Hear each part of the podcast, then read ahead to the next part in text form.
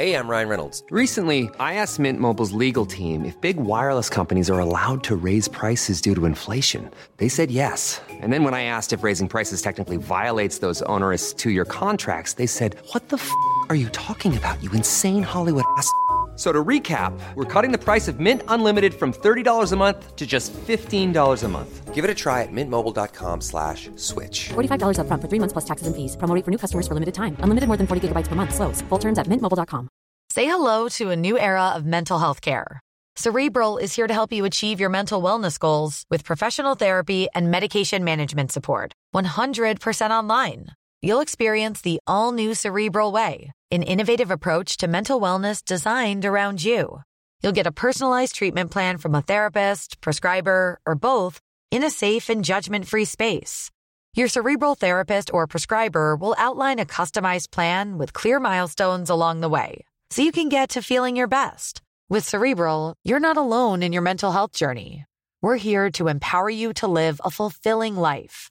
So take that first step towards a brighter future and sign up today at cerebral.com slash podcast and use code ACAST to get 15% off your first month. Offer only valid on monthly plans. Other exclusions may apply. Offer ends July 31st, 2024. See site for details. Ryan Reynolds here from Mint Mobile. With the price of just about everything going up during inflation, we thought we'd bring our prices down.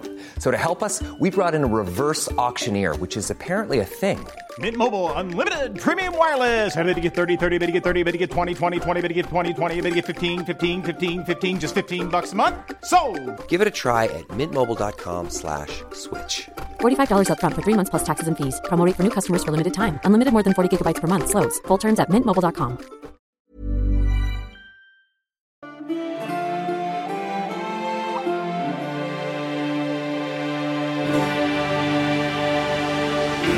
Velkommen til Mægtige Middelalder. En podcast, hvor middelalderforskere taler om den magiske, mystiske og frem for alt mægtige middelalder. Mit navn er Thomas Ebelholm, og når jeg ikke er vært på denne podcast, er jeg lektor i middelalderhistorie på Syddansk Universitet.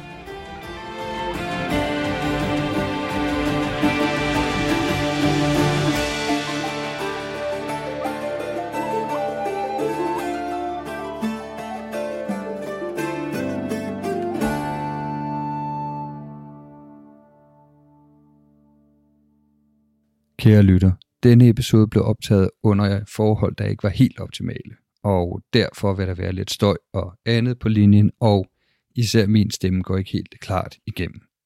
Jeg beklager, men jeg håber stadig, at I vil nyde episoden.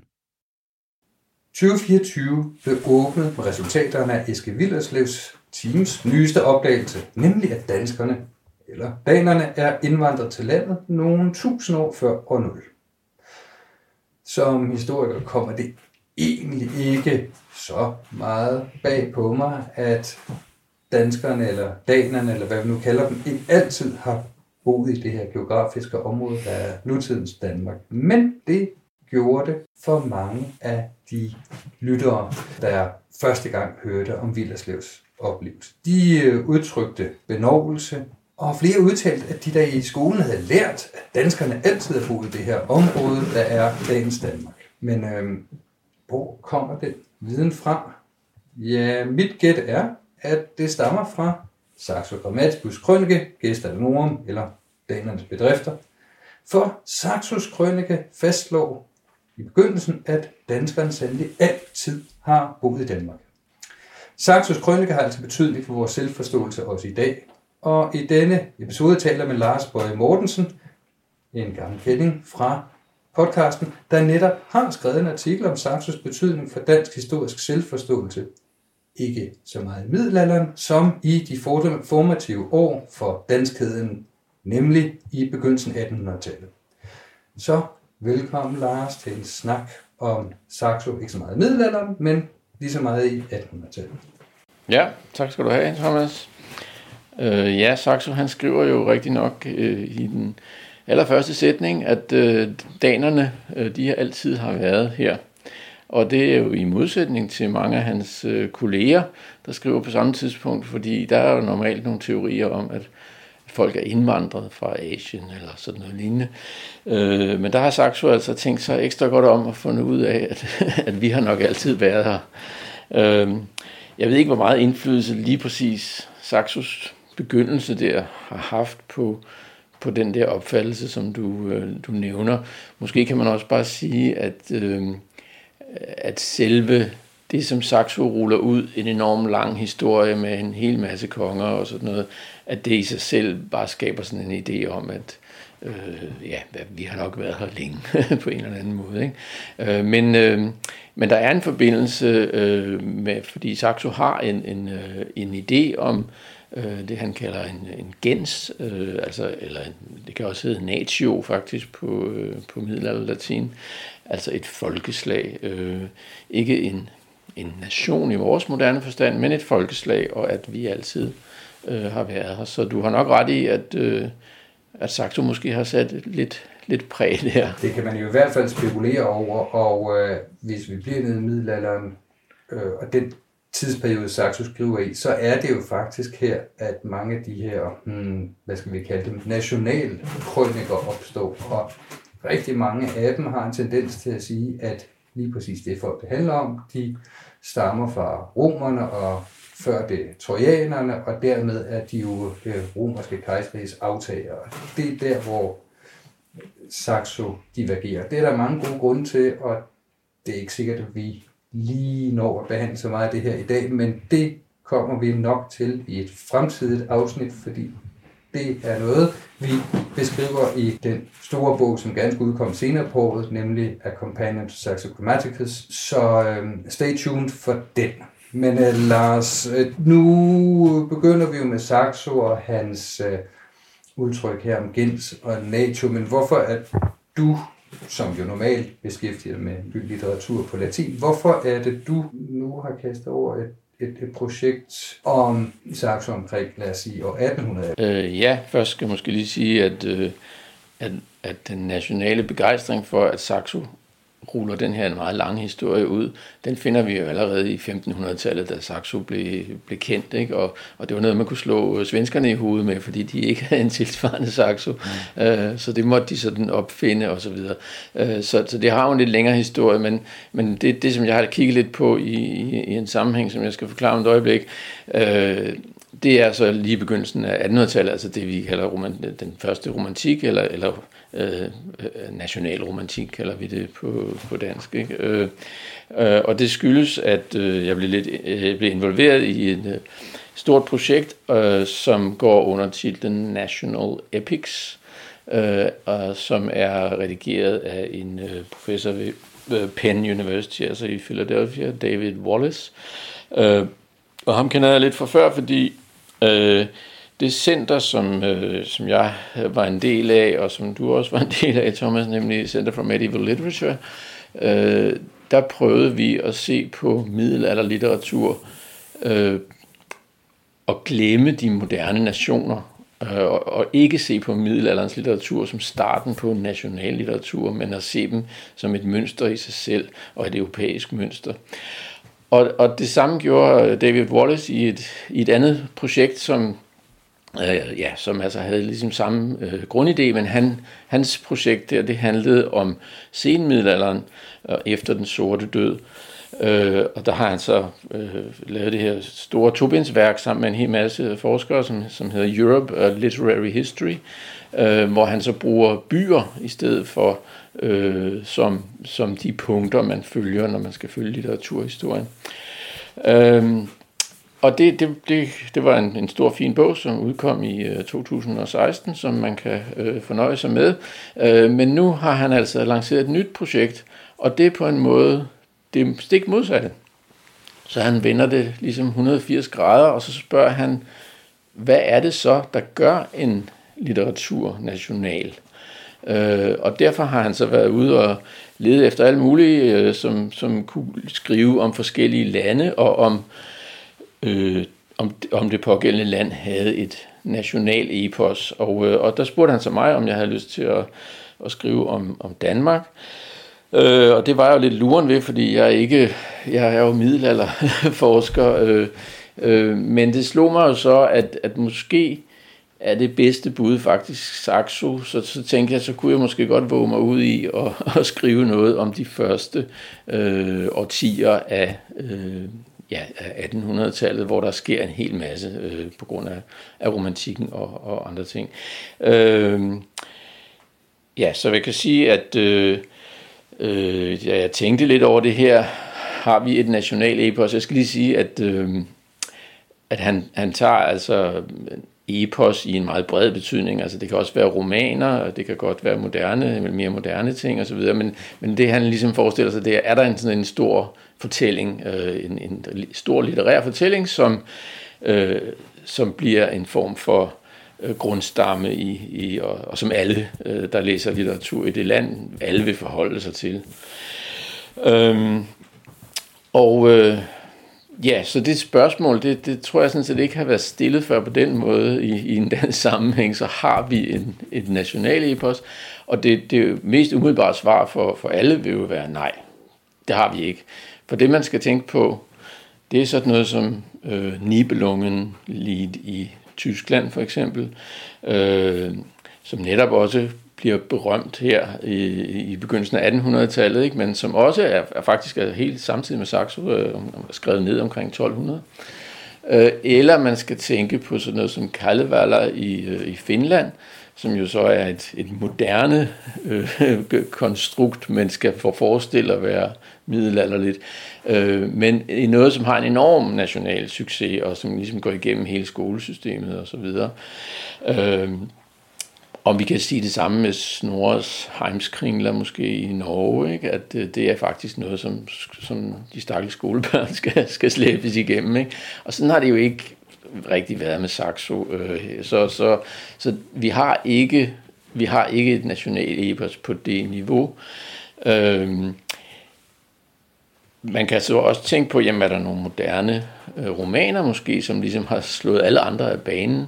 Og der synes jeg, at øh, der, der er jeg jo amatør på det felt, men, men øh, jeg, jeg tror nok, at, at der er hold i det, hvis jeg siger, at, at vi har selvfølgelig nogle berømte romaner, men det er som om, de ligesom kun gælder for en eller to generationer, eller sådan noget lignende, altså Kongens Fald for eksempel, eller, eller Herværk, som jeg skulle læse i, i gymnasiet, men, men det gælder jo ligesom heller ikke så meget længere, så, øh, så der er nogle store, Pontoppidan kan man nævne, og forskellige andre, ikke? men men det, det er ikke på... Øh, det er ikke på det der nibelungen niveau, ligesom. Øh, og der er det jo så, at man må så spørge sig, om Saxo kan, ja, kan, vi, kan vi sige, at han, hans fortælling, det er en form for national epos. Og, og som I kan høre, så er øh, mit svar i første række nej, øh, men i anden række er det, men hvis der er en tekst, som faktisk har holdt sådan holdt sig både populær og vigtig øh, på de fleste parametre i de sidste 200 år, jamen så er det Saxo. Altså så er der ikke nogen konkurrent til ham. Nej, det er jo lidt det, vi øh, skal udforske her i vores øh, snak, og øh, som du har Øh, skrevet øh, øh, en artikel om, og der vil være links i show notes til artiklen og til det her National Epics øh, projekt, øh, så dem, der er interesseret ikke bare i den side, men, men hvordan forskellige litteraturforskere går, går til det her, vil, vil kunne orientere sig der.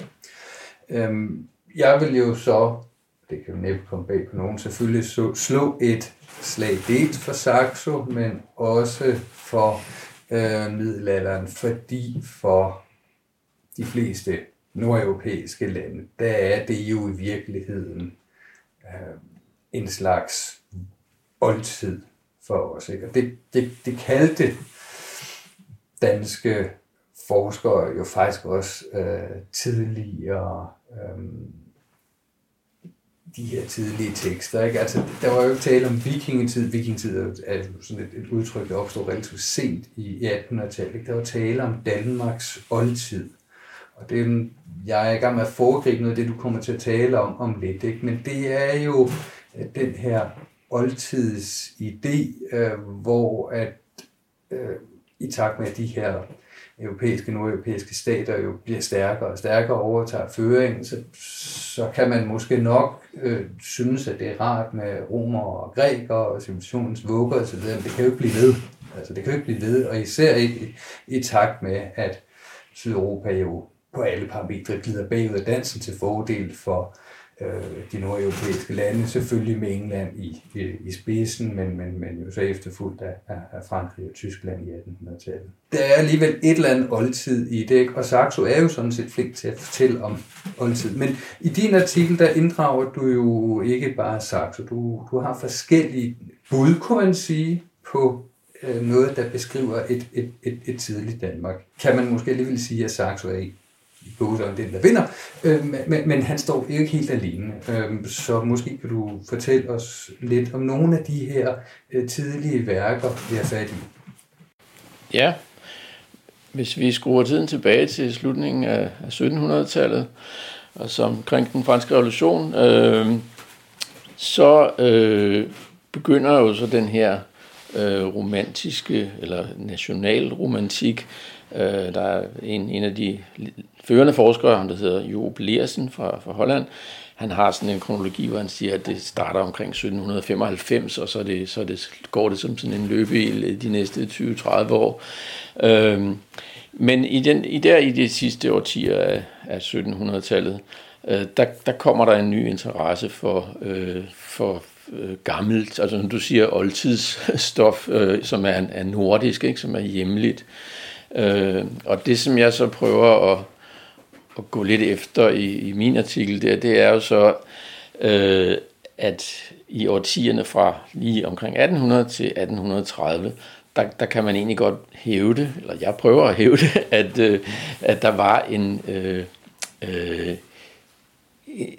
en, en meget stærk øh, trang til at finde et dansk national epos, og det går fuldstændig parallelt med, hvad der, hvad der foregår i, i Tyskland og, og, og, og som sagt i Finland og i andre lande på det her tidspunkt. Øhm, og øhm, dem, der er på banen der, det er både nogle, hvad skal vi sige, professionelle historikere, filologer og så videre. Men så er det jo også, så har vi jo sådan en crazy amatør som øh, Grundtvig, som, øh, som faktisk kommer til at betyde rigtig meget lige præcis i, i, i de der årtier. Øh, og en anden, jeg ved ikke om vi skal kalde ham amatør, men, men romanforfatter og, og digter, Ingemann, som, som også kommer til at betyde meget. Det kan vi komme tilbage til om lidt. men, men det jeg lige vil nævne, altså de der andre værker, som du spørger om, det er jo fordi, at øh, Grundtvig og andre i, i lige begyndelsen af 1800-tallet, de, kig, de kiggede sig virkelig om med lys og lygte, om, om ikke vi kunne finde sådan et, et dansk øh, Nibelungen. Øh, og øh, på det første, så er der jo hele det nordiske, og det er det norrøne, øh, og, og Eddaen, den gav jo en, en, den her fantastiske mytologi, som man netop begyndte at, at udforske og skrive om osv. i slutningen af 1700-tallet og, og, og selvfølgelig ind i 1800-tallet. Øh, Øh, men Eddaen i sig selv, den kan ikke bruges som en, en dansk nationalfortælling, og den er heller ikke en fortælling, det er nogle sige, episodiske digte, og det er noget mytologi osv., og der er ikke rigtig noget med Danmark. så så det, øh, det, det var noget, som var, var vigtigt, og det var også meget vigtigt for Grundtvig og så videre, men det kunne ligesom ikke blive den, øh, selvom den faktisk blev oversat også i den her periode til dansk. Øh, men et bedre bud, det er jo så øh, Beowulf, øh, som jo så ironisk nok ender med at blive den øh, engelske, det engelske nationale epos. Øh, og øh, det skyldes jo, det er jo det her sådan, øh, angelsaksiske digt fra formentlig fra omkring ja, det 10. århundrede, er det skrevet ned, eller i slutningen omkring år 1000, øh, som er jo er sådan en fantasy-epos øh, med, med nogle uhyre og så videre, men der er en, en goder konge, så hvad skal vi sige, en slags svensker konge, ikke, som er Beowulf, og, og så er der øh, en, øh, den danske, øh, det danske hof, som øh, lider under de, øh, nogle af de her monstre, og øh, øh, Beowulf han kommer jo så og, og redder danskerne. Øh, så det foregår i Danmark, og man har ligesom forestillet sig, at det måske var lejre. Øh, øh, så der er i hvert fald øh, der er noget Danmark der, som man kunne tænke, at Beowulf kunne være blevet vores national epos. Det kunne også være blevet svenskernes, kunne man sige. Øh, og det kunne egentlig også godt være blevet tyskernes, fordi at det er jo skrevet på angelsaksisk, som jo er en form for tysk.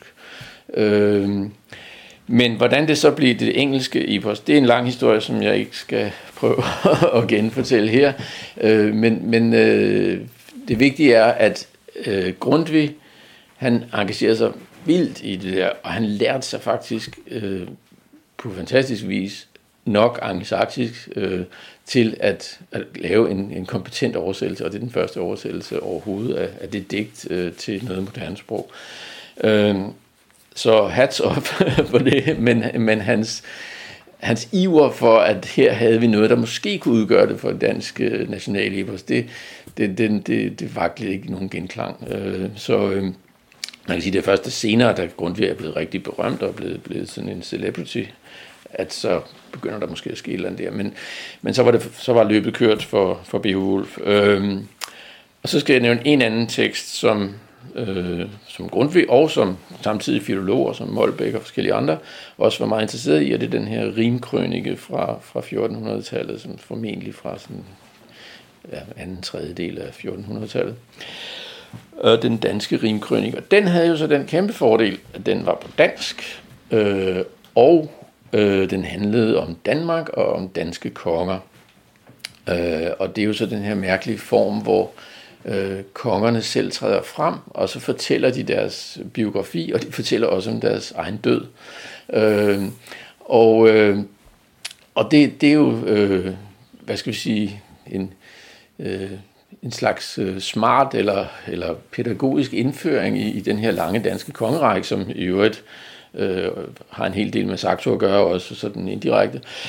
Øh, og det var et, et, øh, et digt, som øh, som sagt både Grundtvig og forskellige filologer har været interesseret sig meget for, og han, han forsøgte også, Grundtvig forsøgte også at skubbe den frem øh, til, at her har vi virkelig noget, og så ovenikøbet på sådan et, et fint øh, middelalderdansk, eller senmiddelalderdansk. Øhm, men øh, ringkrøniken blev heller ikke, øh, den, den blev heller ikke nogen succes. Øh, det, det, ble, det forblev en, øh, en specialitet, øh, og det er faktisk først nu, at den er ved at blive oversat til, øh, til moderne dansk, øh, så, så vi alle sammen kan nemt kan læse den. Så øh, det, der ligesom stod tilbage for, for de der ivrige folk der, som ikke bare Grundtvig, men også ham, der hedder Peter Erasmus Møller, som var en, en meget dygtig norrøn filolog, og så saxoudgiver, og, øh, og så ovenikøbet var han så også biskop. Øh, det var Saxo. Øh, så øh, interessen for Saxo var også enorm der i, øh, øh, i, i, i de første årtier der. Øh, og øh, folk ved måske, at at Grundtvig han jo så lavede sin Saxo-oversættelse der i, fra 1818 til 22. Øh, og, øh, og, og Müller arbejdede med Saxo, og, og det gjorde de alle sammen. Øh, Øens lærer skrev tragedier, som delvis var baseret på fortællinger hos Saxo og så videre. Så Saxo var der hele tiden. Ja, og øh, nu har du jo været rundt omkring dag øh, og Beowulf og Rivenkrøniken, og de øh, har øh, en ting til fælles. Det er jo, at de er skrevet på, øh, hvad vi kunne kalde germanske sprog, altså de nærmer sig noget, som man øh, i Danmark jo i hvert fald ved ikke er sådan noget udenlandsk romansk. Ikke? Altså man kan på en eller anden måde se nogle forbindelser øh, øh, et af altså, oldnordisk øh, renkrønning, hvad kan man sige, senmiddelalder dansk, ikke? og så Beowulf, ja okay, det er ikke dansk, men det er angelsaksisk, og hvor kommer anglerne i hvert fald fra? Ja, de er jo, altså, det er jo, det er jo praktisk helt danskere, ikke? hvis man sidder der omkring øh, og 1800, ikke? så kommer til Saxo. Nok den største og mest monumentale af de her bøger. Fantastiske historier, opdelt i 16 bøger, øh, fra i bogstavelig forstand, de første konger, kong Dan og så videre, og frem til Valdemar det Store. Alt er godt på nær én ting.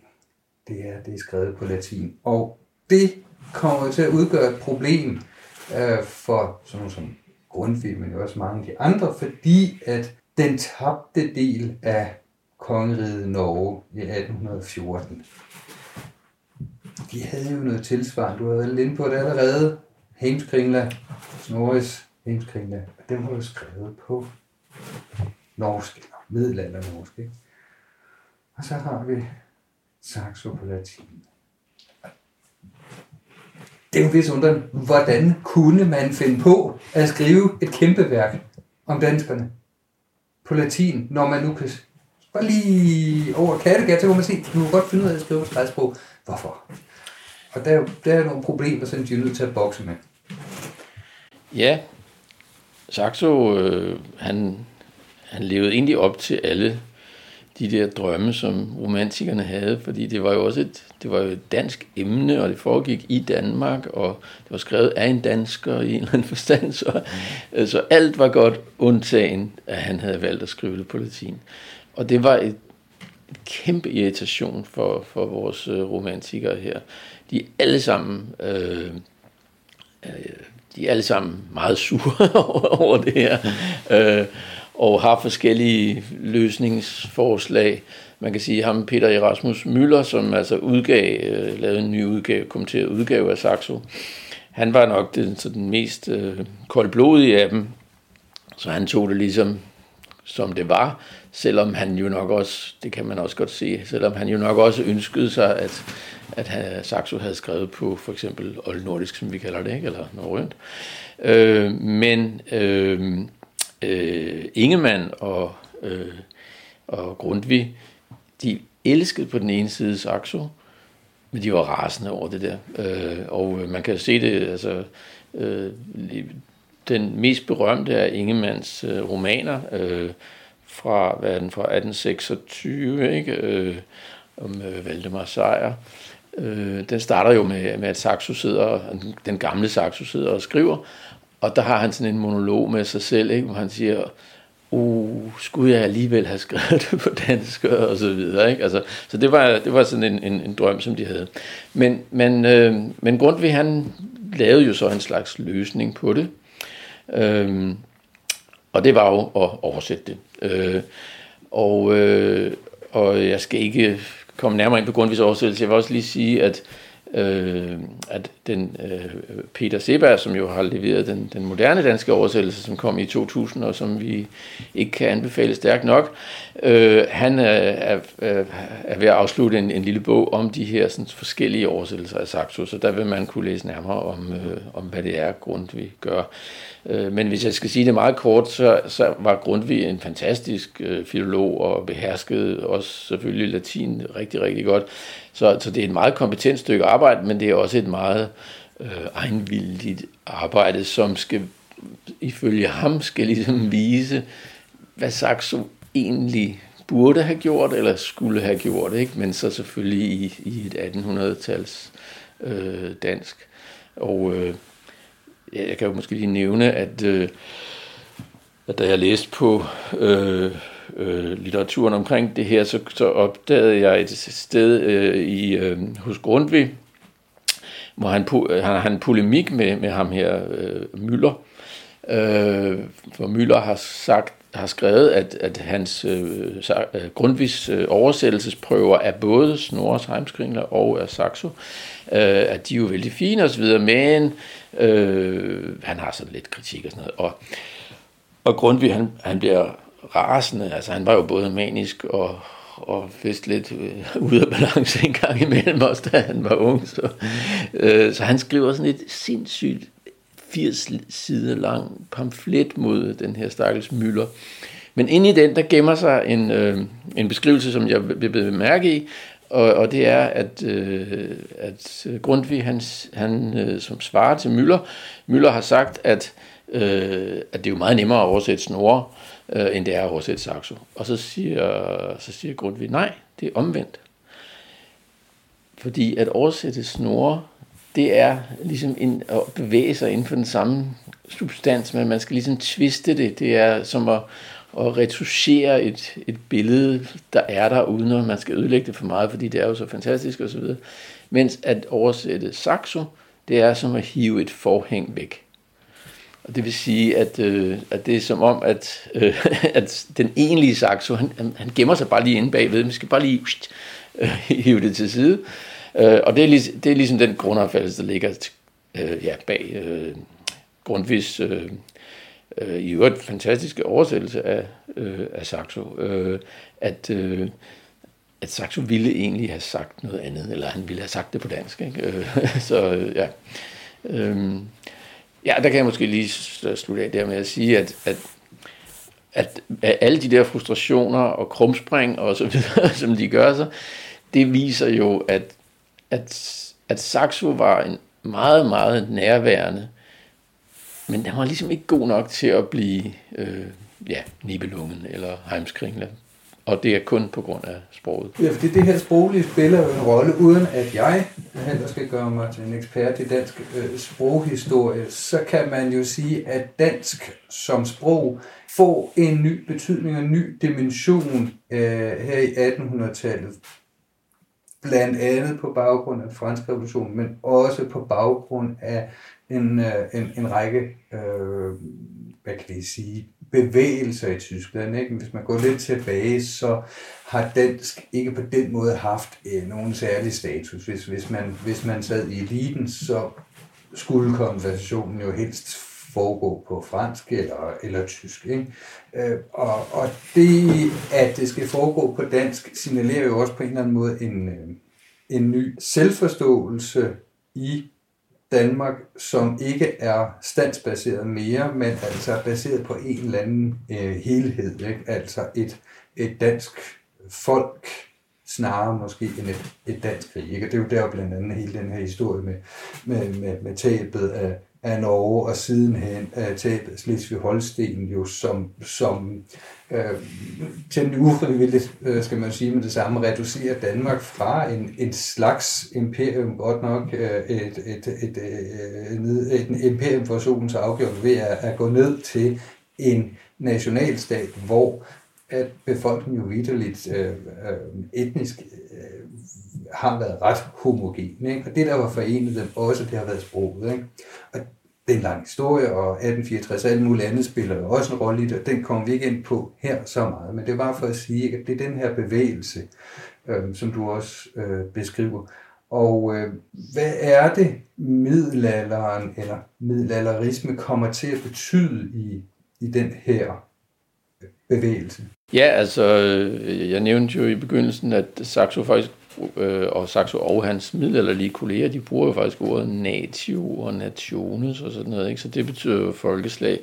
Men det er jo lige præcis øh, som, som du og mange af vores andre kolleger, som ved mere om det, end vi gør, øh, har understreget, at det vi selvfølgelig op, opfatter som nationalstaten osv., og ideen om, at der er et territorium, og der er en stat, og der er et folk, øh, som, som hører fuldstændig sammen, ikke? Øh, og så den projicerer man så tilbage, og det kan, det kan Saxo så delvis bruges til. Ikke? Øh, øh, men øh, øh, ja, så, så øh, øh, det er jo en, øh, øh, en tankegang, der, der så udfolder sig der i løbet af nationalromantikken, øh, og som i meget høj grad kommer fra Tyskland, øh, og har jo også noget at gøre med, at, at de forskellige tyske lande Øh, Øh, de var jo blevet banket godt på plads af, af Napoleon, og Danmark led jo så, men på en anden måde, men altså led jo også under Napoleons krig. Øh, at, at, øh, at det har nok givet en lidt ekstra energi til, til den her øh, øh, hvad skal vi sige, opfattelse af territorie og folk og stat som, som én ting. Ikke? Øh, øh, så i, i meget høj grad øh, ja, så, så kan vi se, at at den, den tyske kulturelle indflydelse, den, den, bliver meget, øh, den er selvfølgelig meget stærk, og, og, og nationalromantikken i meget høj grad kommer derfra. Men øh, øh, nu nævnte du så øh, det her ord middelalderisme, og det, det gjorde det jo, fordi der er lige kommet en ny bog, øh, som hedder Middelalderisme i dansk romantisk litteratur, øh, som er skrevet af et forfatterkollektiv under ledelse af øh, Lis Møller fra øh, Aarhus Universitet.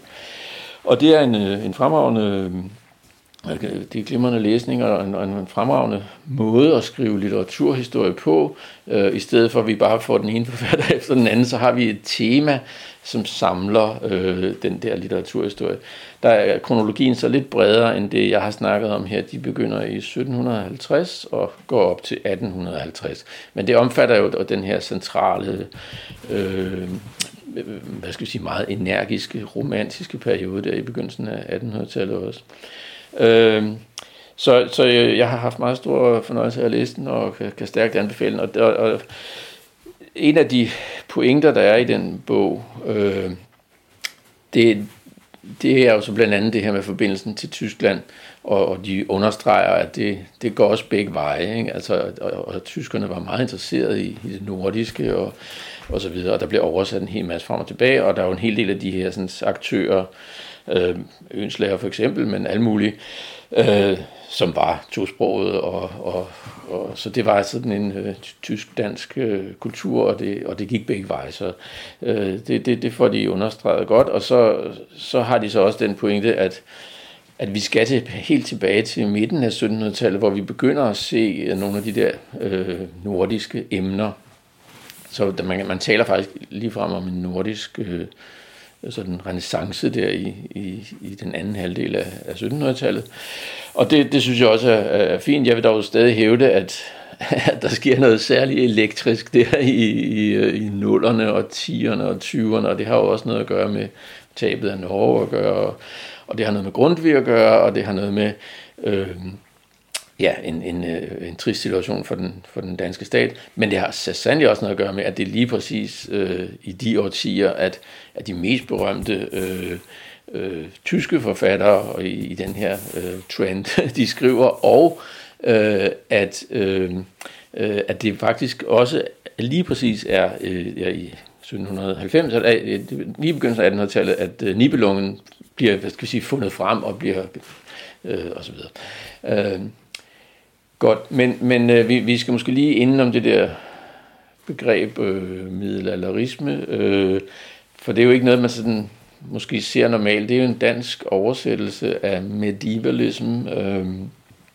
som har været et, et studieobjekt eller en, en studieretning øh, lige siden 70'erne, tror jeg, eller sådan noget lignende. Ikke? Øh, der, der, det, det, i hvert fald, og det har meget været sådan angelsaksisk øh, og amerikansk også. Øh, Øh, men det er altså studiet af receptionen af middelalderen, øh, hvis man skal sige det meget kort, øh, eller brugen af middelalderen øh, i senere litteratur, kunst øh, osv. Og nu, nu handler det jo så også om alt muligt, sådan fantasy og og så videre, som har en eller anden, sådan et eller andet middelalderligt element.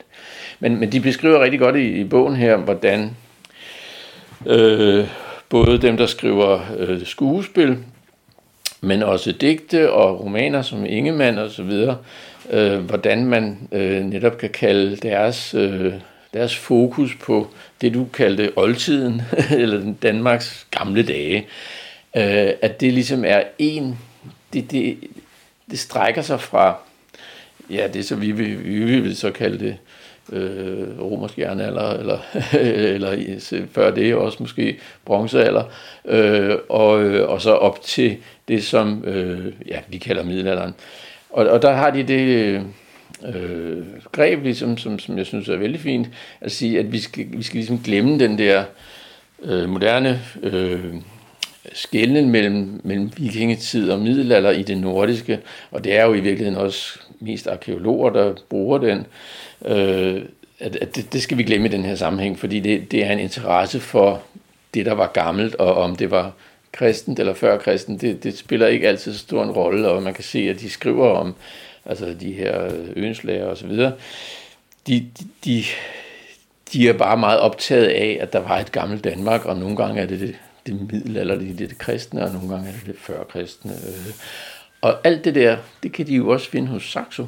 Øh, så, så Saxo, han er ligesom en, en slags undertekst for, for, for meget af det her, ikke? Øh, øh, fordi han netop også dækker det før kristne og, øh, og det kristne.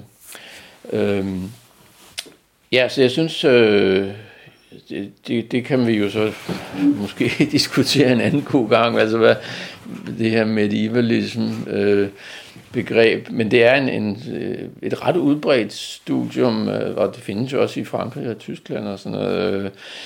Og øh, øh, ja, øh, der er måske også nogle problemer i det, men, øh, men det kan vi måske diskutere en anden gang. Ja, jeg vil da godt sige et par ting om det. Altså, noget af det, jeg godt kan lide ved den her bog, du lige har fremhævet, den her middelalderisme i dansk øh, romantisk litteratur, det er, at øhm, når man læser den, så går det op for en, at vores syn på middelalderen i dag, og også os forskere ubevidst, det er meget mere præget af de her øh, idéer, som i virkeligheden ikke er formuleret i middelalderen. Altså de her idéer, de her sammenhænge og så videre, Øh, øh, som, som, som faktisk ikke rigtig helt hører til kilden, men som er hjulpet på vej blandt andet af 1800-tallet. Det her kan jeg ikke lade være med at selv at, at fremhæve min, min egen uh, lille bog om, om, om mordet i 1286, øh, der havde jeg med vilje ikke læst Ingemands bog for relativt sent i perioden. Og det havde jeg gjort, fordi jeg havde lavet dem fortælle, at øhm, selvom Ingemands øh, værk, jeg tror den hed Erik Menveds barndom, nu kører det lige på hukommelsen, mm. selvom øh, det jo er digt, så er, og at det i dag hvis man læser den helt originale fulde udgave, og ikke de forkortede udgaver, blandt andet til børn, så er det nogle utroligt stærke billeder, som jeg selv sidenhen har måttet kæmpe med at lægge fra mig, når jeg har siddet og kigget på den der periode. Det, det er et enormt øh, stærkt billede, som er meget, meget svært for os at komme af med.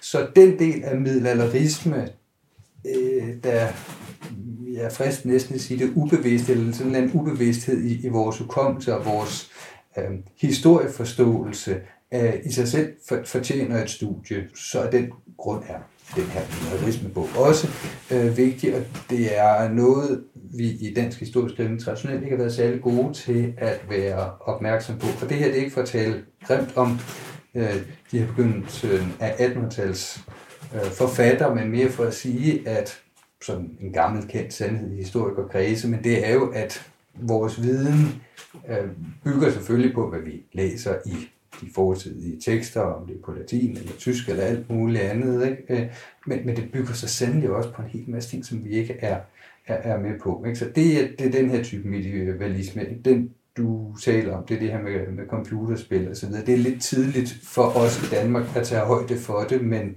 jeg kan sige som underviser, når jeg skal tale om Danmark i den her periode, 800-1000-tal, der skal jeg godt nok også pille mange ting ud af Vikings tv-serien og computerspil og så videre, så, så det skal nok komme, og det vil sætte sig spor. Så de her forfatter har en kæmpe betydning, og de har også en betydning øh, for, for Saxo-opfattelsen. Og der er det jo Grundtvig, Ønslag og så videre jo taler om noget dansk, men det på sin mærkelige manier, det er også et internationalt fænomen, ikke? fordi de er jo inspireret af Walter Scott. Ikke? Det, det er et, øh, et, et, et, et større, øh, i virkeligheden pan-europæisk bevægelse, som så er enige om, at vi er forskellige, og vi har hver sit, ikke? men det er de samme virkemidler, der er i gang. Ikke? Må jeg øh, bare lige tilføje, at øh, altså en af de måder, jeg, jeg tror, øh, man kan sige, at, at, at Ingemann og delvis vi har har været med til at præge den, den mere sådan historiske opfattelse, det er jo faktisk øh, periodisering, ikke? fordi vi taler om Valdemars, Valdemars tiden, øh, og den går så fra 1157, øh, da Valdemar den første, den store, bliver øh, enekonge, og så til Valdemar Sejrs, Valdemar den andens død i 1241. Og det er sådan en, en, en glorværdig og øh, hvad skal vi sige, internt i Danmark øh, forholdsvis fredelig periode. Øh, og det er jo så det også det, midt i den, at Saxo skriver osv.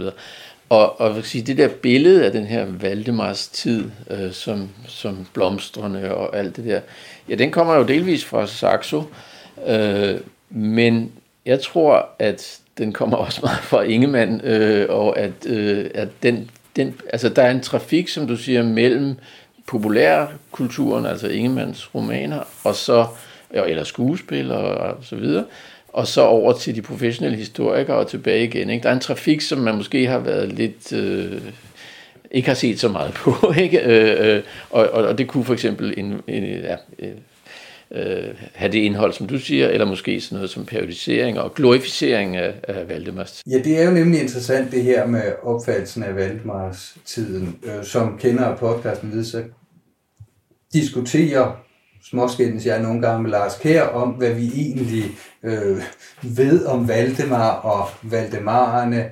Øh, og Lars Kær har jo i, i dele af sin forskning, hans bog om Valdemar, der forsøger han måske at pille lidt af glansen af, af Valdemar. Og det han jo kan have ret i her, øh, det er, at hvis man sidder omkring 1800, jamen så er Valdemar jo entydigt rigtig, rigtig god.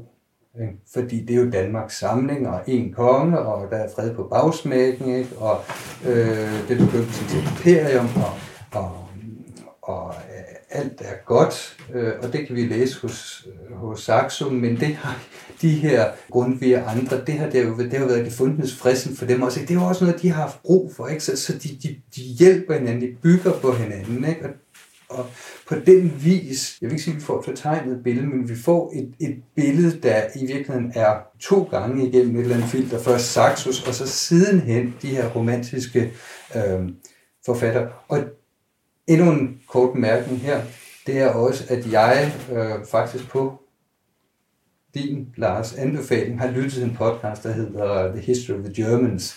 Øhm, jeg er ikke altid helt enig i hans konklusion, men det har været gribende at høre hans fremstilling af vintertogterne og hvad der foregik op i Danmark.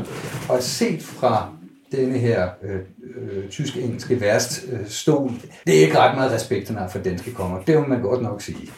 Det er, det, det er ikke et, et velfungerende kongedømme, og han, han, han, altså det er lige før han så også kommer til at parodiere tyske krønikeskrivere, der fortæller, at danskerne er fordrukne og udulige, og lige hele tiden ligger og slås med hinanden. Ikke? Så altså, det vi jo er i gang med at adressere her, det er de her øh, konstruktioner af historien, og som vi jo kalder de historikerkreds. Ikke? Man kan også sige gendækningen, ikke? og at, at historie ikke bare er et forhold mellem mig i 2024 og en tekst fra omkring 1200. Der ligger en helt, helt masse imellem, som vi er nødt til at tage ind.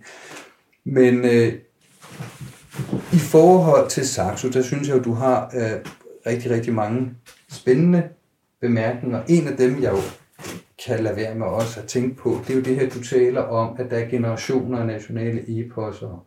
Øhm, og, og der er jo alligevel noget interessant ved Saxo her, øh, kan man sige.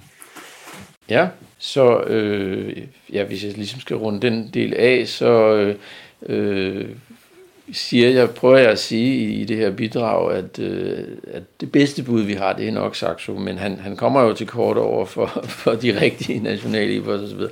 Øh, så, så vi vil bare lige runde af med at sige, at, at der var jo en, øh, øh, i, tilbage i nullerne, ikke? der var jo sådan en øh, kanoniseringsbølge, øh, bølge, som kom fra regeringen, øh, for nu skulle vi have en demokratikanon og en øh, arkitekturkanon og en litteraturkanon også. Ikke? Øh, så der fik vi jo så øh, de, 10, øh, de 10 forfattere, eller de 10 værker, som, øh, som alle på en eller anden måde skulle forholde sig til i skolesystemet, øh, mere eller mindre. Men, øh, men det var alligevel, øh, ja, der blev lagt en del energi i at sige, at det her, det er simpelthen det ypperste af det danske. Og jeg ved ikke, om I kan gætte det, men Saxo er ikke med. Øh, og det har ret meget at gøre med, at dem, der sad i den der gruppe og skulle lave kanon, de tænkte ligesom Grundtvig og Ingemann. At det var ikke på dansk. Øh, og det kan være så flot og så interessant og, og handle så meget om Danmark, som det vil. Det, det blev ikke en del af kanon. Men hvad skal vi sige, den dobbelte ironi er jo så, at samtidig med, at, at de der ting blev, blev besluttet, så var Peter Sebergs øh, nye oversættelse lige kommet. Øh, Øh, og den øh, solgte fantastisk og har været i mange oplag og er igen udsolgt. Og, øh, øh, og det kom ligesom efter, at nogle ældre oversættelser, øh, både grundvis faktisk, men også den, der hedder Winkelhorn fra 1898 og Olriks fra 1911, øh, at der har været, hvad skal vi sige, optryk og optryk og genfortællinger og så videre i løbet af hele det 20. århundrede. Øh, og, øh, og jo, altså den her vinkelhorn, den er jo så også berømt på grund af det, de der øh, Louis Moos øh, illustrationer osv. Øh, godt, men det er bare for at sige, at, at øh, markedet fortæller en anden historie end dem, der sad i det der kanonudvalg. Ikke? Altså, det fortæller, at, at øh, øh, ja, vi ved jo ikke, hvor meget Saxo bliver læst, men han står i hvert fald på rigtig mange hylder, og, øh, og det har han gjort gennem hele det 20. århundrede. Øh, og øh, så, så hvad kan jeg sige, den, den der bogmarkedshistorie, den, den peger også i retning af, at, at han bliver ved med at sælge. Ikke? Øh. Jo, altså der er jo sådan en konstant, ikke? Og, og også den her genoversættelse med også en slags øh, genopfindelse af Saxo. Nu nævnte du Louis Mo, ikke? og der er jo også øh, Hinses udgave med illustrationer, ikke? og nogle få for Sebergs øh, Øh, meget fine oversættelse, så, så prøvede Helle Stangerup jo også kræfter med det. Så det er jo sådan en, en, en historie, der på en eller anden måde ikke, øh, jeg vil ikke sige vil dø, men det er en, der, den, den, den kan man ikke rigtig lukke ned. Den ligger dernede, ikke? og som du jo siger, og som du også påpeger i din, din artikel, ikke? det kan jo godt være, at man, øh, når man tænker at store danske forfattere, man er ude på en top i den, eller, eller Karen Bliksen, og det er ikke for at, at, at tale den ned, men de er ikke helt så gamle, men de har heller ikke helt samme genudgivelsesrate over 200 år. Den bliver simpelthen mm. ved den her. Om man så i Kulturministeriet vil det eller ej. ja, og det kan vi måske det kan vi delvis takke øh, vores romantiske venner for jo, øh, at, øh, øh, ja, at opmærksomheden er, er rettet i den, den, den vej. Du skal have mange tak, Lars, for at være med den her gang, og øh, vi, øh, vi tales nok snart ved igen på mikrofonen, når øh, vi har, han her sagt, fristes jeg næsten til at sige, og i ironisk den sammenhæng, mere saxonyt. Ja, tak skal du have. Det var, det var fint at være med igen.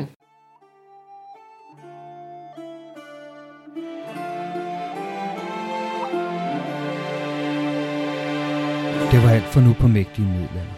Jeg håber, I har nyt dagens episode.